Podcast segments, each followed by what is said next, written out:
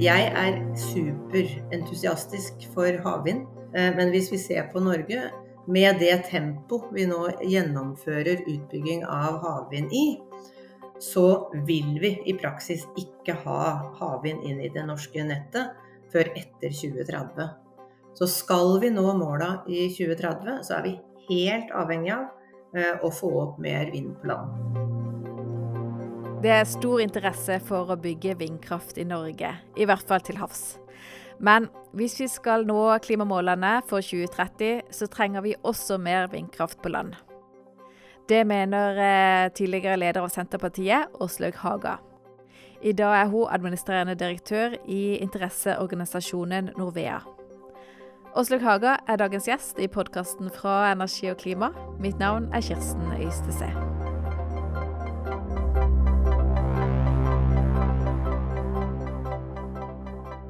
Hjertelig velkommen til Energi og klima, Åslaug Haga.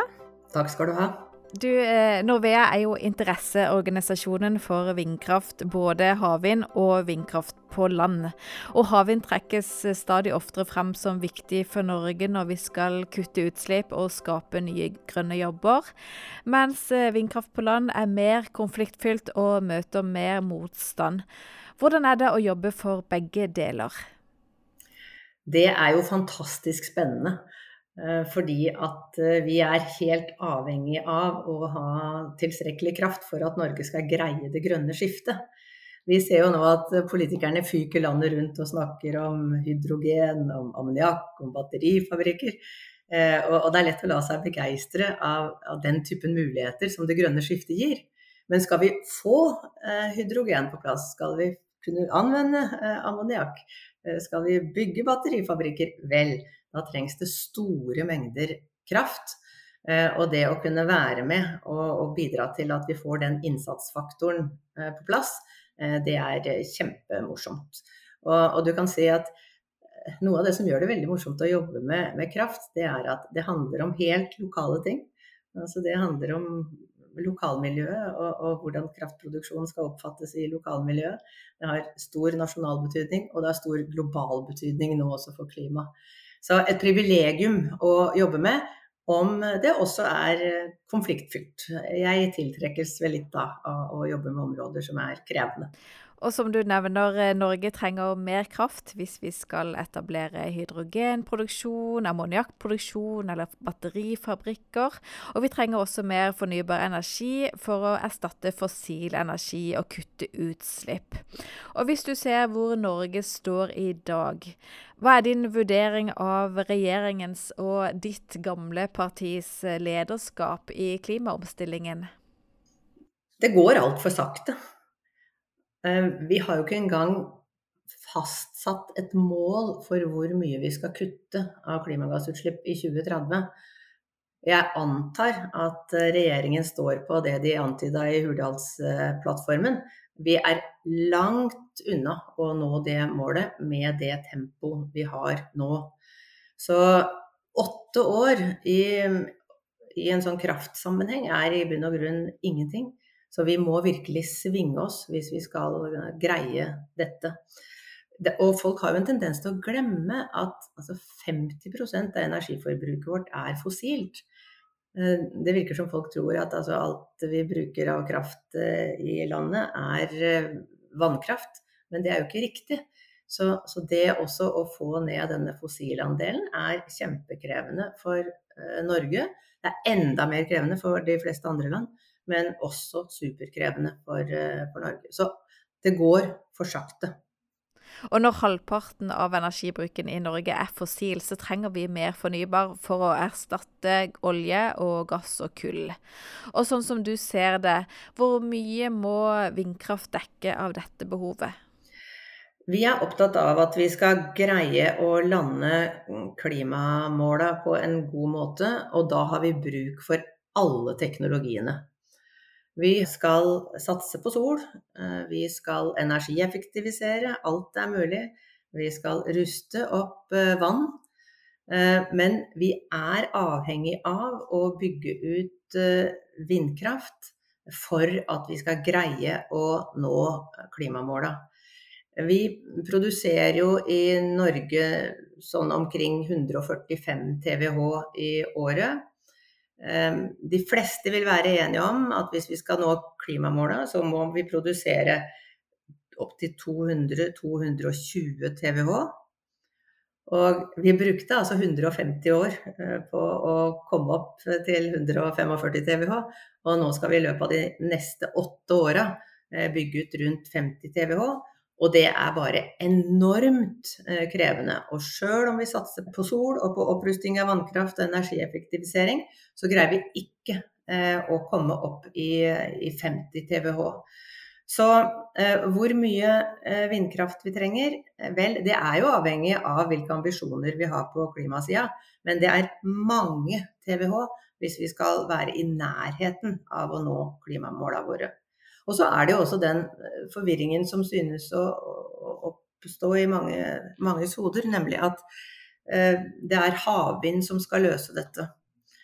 Og eh, jeg er superentusiastisk for havvind og mener at det har fantastisk potensial for landet for å håndtere klimaendringene globalt. Eh, men hvis vi ser på Norge, med det tempo vi nå gjennomfører utbygging av havvind i, så vil vi i praksis ikke ha havvind inn i det norske nettet før etter 2030. Så skal vi nå måla i 2030, så er vi helt avhengig av eh, å få opp mer vind på land. Noen vil jo da heller si at vi må ha enda mer fart i utbyggingen av havvind istedenfor vindkraft på land, som er mer krevende og konfliktfylt. Vi har foreslått for regjeringa hvordan man kan kutte ned konsesjonsløpet på havvind. Eh, gjøre det på en sånn måte at det ikke går utover høringsfrister i forhold til fiskeri og naturinteresser osv. Men sjøl om man gjør mye for å kutte ned konsesjonstida, så vil det i praksis være veldig, veldig krevende å få noe på plass før 2030. Altså, vi må uh, ha solide prosesser, og det tar tid å bygge. Så realiteten er at vi ikke fikser dette før 2030. Og i hvert fall at vi har noe kraft av betydning inn i nettet før 2030. Hvis du da ser på potensialet for vindkraft på land, hva ser du er mulig å få til før 2030? Det vil være avhengig nå av eh, at kommunene tar initiativ. Og hvor mange kommuner som vil ta initiativ, det veit vi jo ikke. Eh, nå var jeg i Troms eh, i går, og jeg veit at det er dialog med kommuner der. Jeg veit at det er dialog med kommuner andre steder. Men nå ligger jo initiativet hos kommunene. Og jeg tror jo for så vidt at vi har hatt godt av den pausa som vi har hatt når det gjelder å gi konsesjoner. Den har vært på tre år, så det er klart at det er relativt lenge for bransjen. Men jeg tror kanskje at det var nyttig. Fordi at de vindparkene som vi skal bygge nå framover, eh, som vi liker å kalle annen generasjon vindparker, Eh, de kommer til å bli bygd med et annet utgangspunkt enn det første generasjons vindparker ble bygd eh, med. Så vi skal jo ha opp det lokale eh, engasjementet i, i utviklingen av prosjektene. Vi skal sørge for at det blir liggende igjen mer penger lokalt. Og det er jo da også beslutta at plan- og bygningsloven skal ligge til grunn for utvikling av vindparker. Og det er et um, essensielt element for at vi skal sikre god uh, lokal forankring, utover alle de uformelle prosessene som går, må gå mellom kommunale myndigheter, um, de som sitter på arealene og, og utbyggerne. Men denne formelle prosessen knytta til plan- og bygningsloven, Eh, den, er, eh, den blir eh, fenomenalt viktig framover. Og det er bare veldig trist at regjeringa har dratt beina i å finne ut av hvordan plan- og bygningsloven skal brukes i forhold til landvind. Ja, hvorfor tar det så lang tid å få det på plass? Alt tyder jo på at det er uenighet mellom departementene. Her er det sånn at du må finne en, en god balanse mellom anvendelse av energiloven som Olje- og energidepartementet sitter med, og plan- og bygningsloven eh, som Kommunal- og distriktsdepartementet sitter med og har ansvaret for. Så man er avhengig av at disse to departementene kommer til enighet. Ehm, vi har vel en forståelse av at diskusjonen diskusjonene har gått over lang tid på, på embetsnivå. Vi har prøvd også å dra politisk ledelse inn i disk diskusjonene.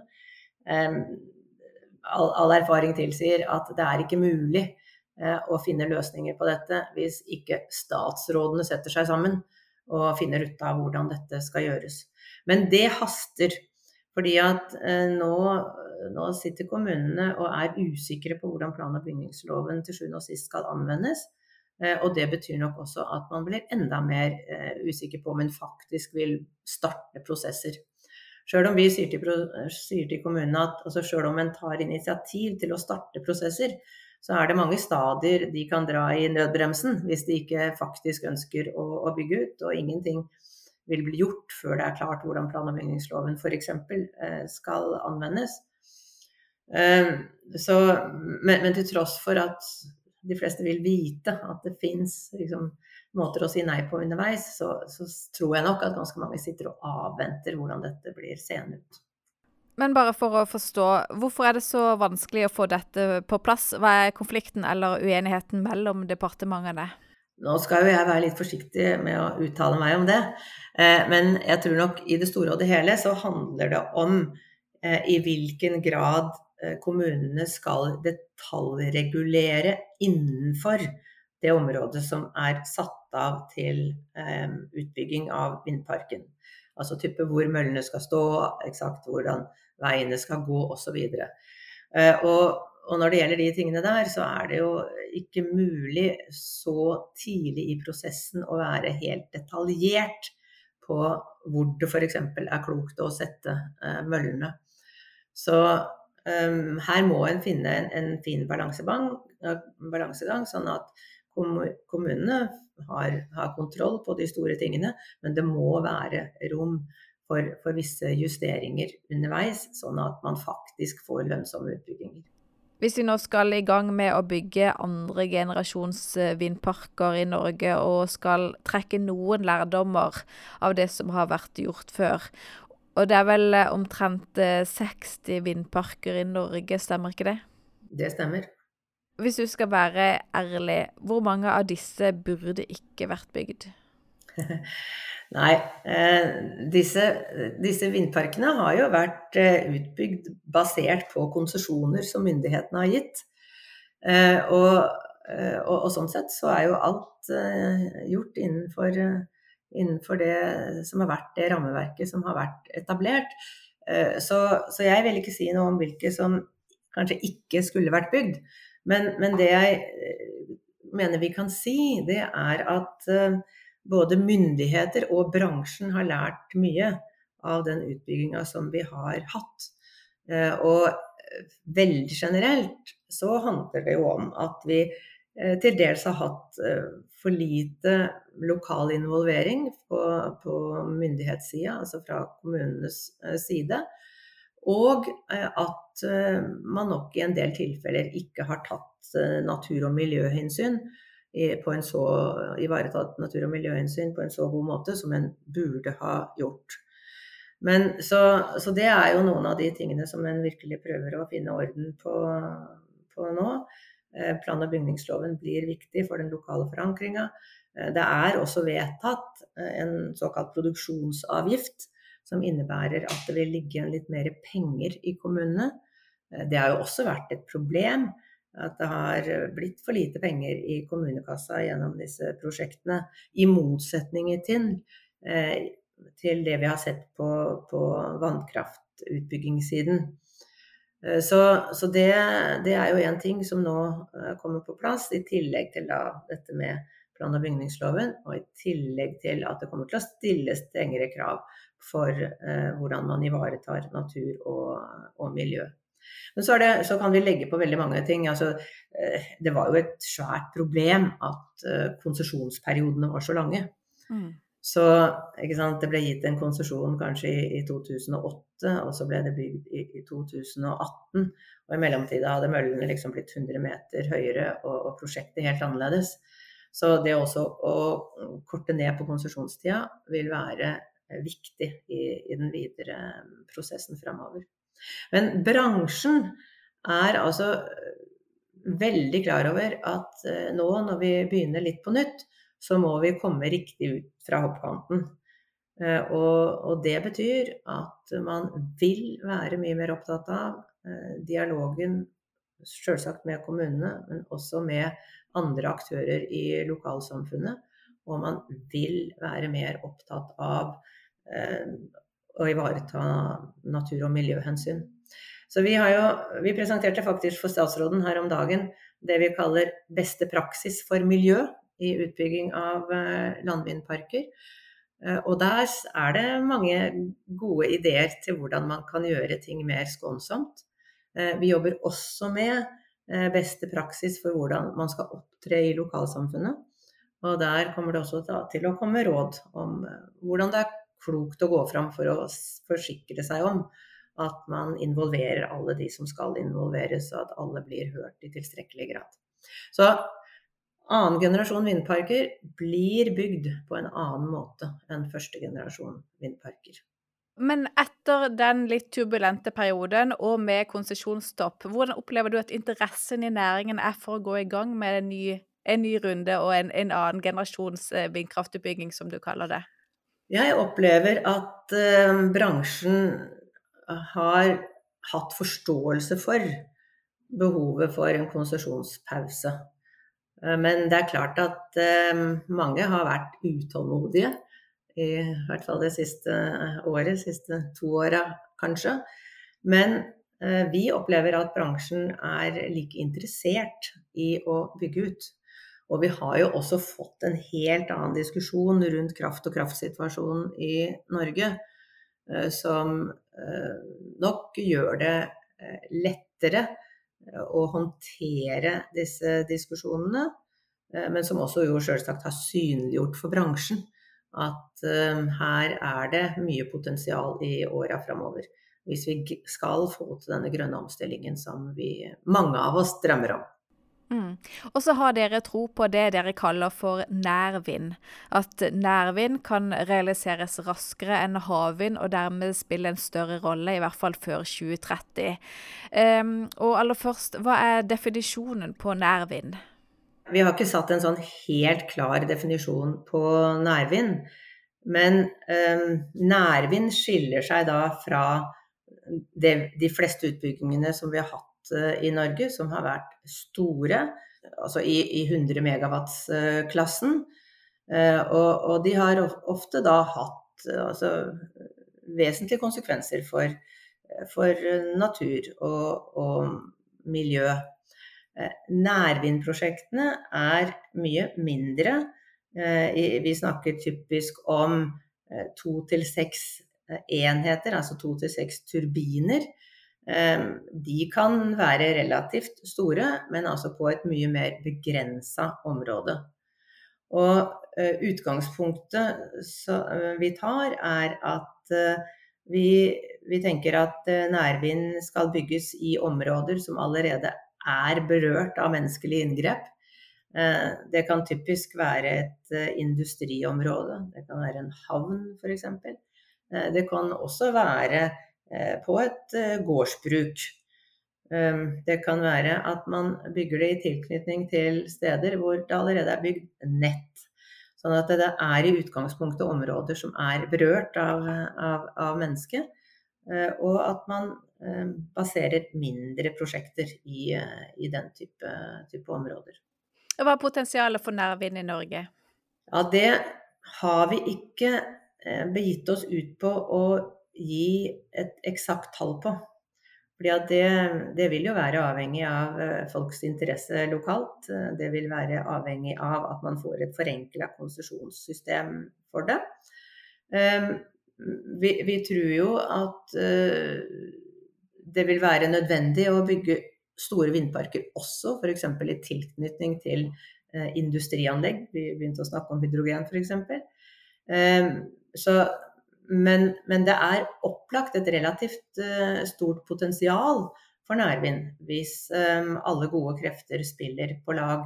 Men vi begir oss ikke ut på uh, å antyde noe størrelse, for det er det for mange usikre faktorer til.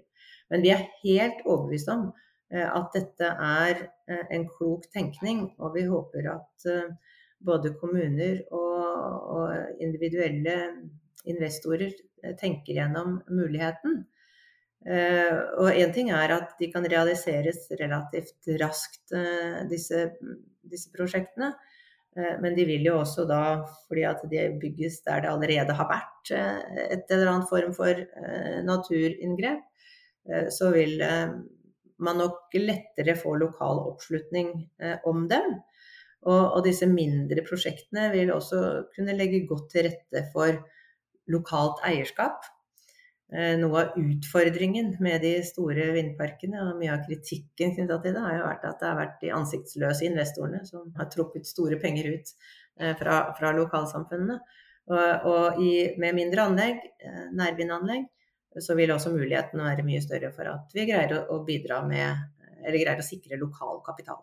Nå har du vært inne på mange av fordelene ved, ved nærvind. Både det at det kan bygges i natur som allerede har inngrep, at du kan bygge det relativt raskt, um, og lokalt eierskap. Er det andre fordeler ved, ved å tenke nærvind istedenfor å kun tenke større anlegg?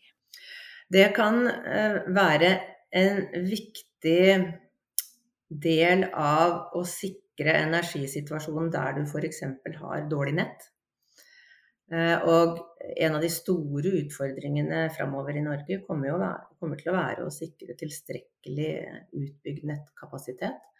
Eh, så denne type lokale eh, parker kan, kan bidra til å redusere behovet for utbygging av nett. Så det kan f.eks. være ferjekaier eller havner eller industrianlegg som ikke ligger nær til et vannkraftverk f.eks.? Nettopp. Og jeg tenker havner er, havner er et godt eksempel. Eh, nå skal skipsfarten elektrifiseres. Og de må lade et sted. Det må de gjøre i havner. Eh, og det å tenke seg at du har da et eh, nærvindanlegg knytta til havna, eller på havna for den del, det kan gi god mening. Men hva er ulempene da? Det er jo ofte noen ulemper ved å bygge mindre fremfor å bygge stort det vil jo ikke, det vil ikke hjelpe oss i, i, forhold til det kraftbehovet som eh, man har hvis det f.eks. skal bygges ut eh, store, store fabrikkanlegg. Eh, så vi, vi, må nok se for oss at vi skal ha de store anleggene knytta til de større industrianleggene. Så her er det ikke snakk om et enten-eller, det er snakk om et både-og. Og jeg er helt sikker på at eh, vi vil se begge deler, men at nærvind kan være et viktig supplement til de store anleggene. Og det kan jo også bidra til at vi slipper å bygge noen av de store anleggene som kan ha store naturinngrep.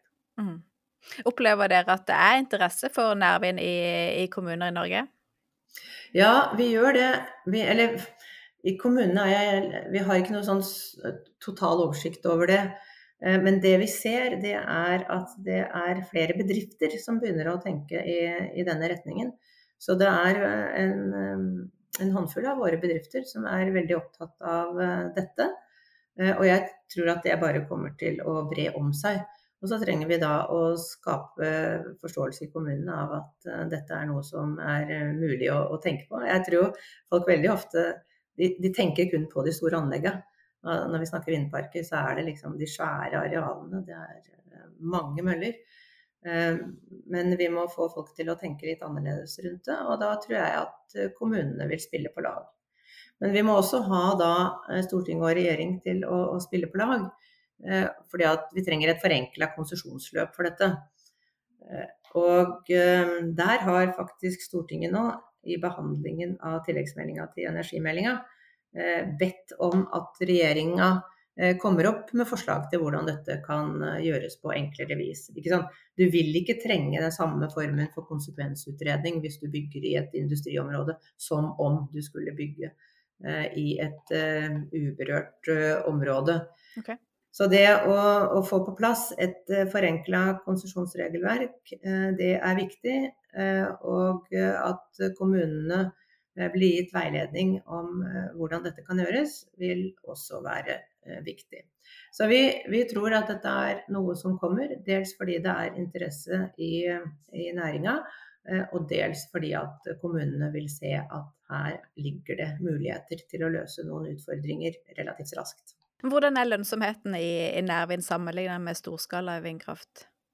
Det vil avhenge helt av hva slags type prosjekt man har.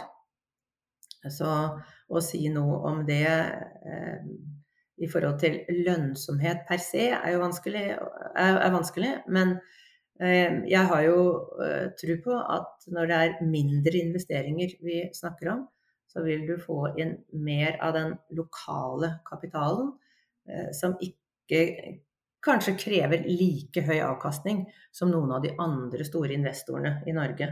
Altså En grunn til at vi har fått inn mye utenlandsk kapital i, i, i landvindutbygginga, er jo at de utenlandske selskapene har hatt mindre krav til avkastning enn norske investorer. Jeg tror vel Hvis vi snakker om lokale investorer, så er det sannsynlig at avkastningskravene ikke kommer til å bli så dramatiske. Man vil være mer opptatt av at man har en, en avkastning over tid.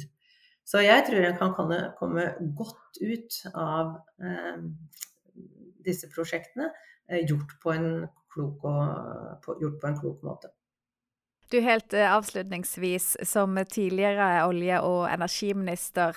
Hvis du hadde hatt den statsrådposten i dag, hva ville du prioritert for å få fart på både havvind og vind på land og klimaomstillingen i Norge? Jeg ville først og fremst ha fått eh, banka gjennom i Stortinget hva som skal være klimamålet for Norge eh, for 20, 2030 og 2050 for den del. Fordi at det er ambisjonen for klima som definerer eh, hvordan vi skal innrette eh, virkemidlene framover.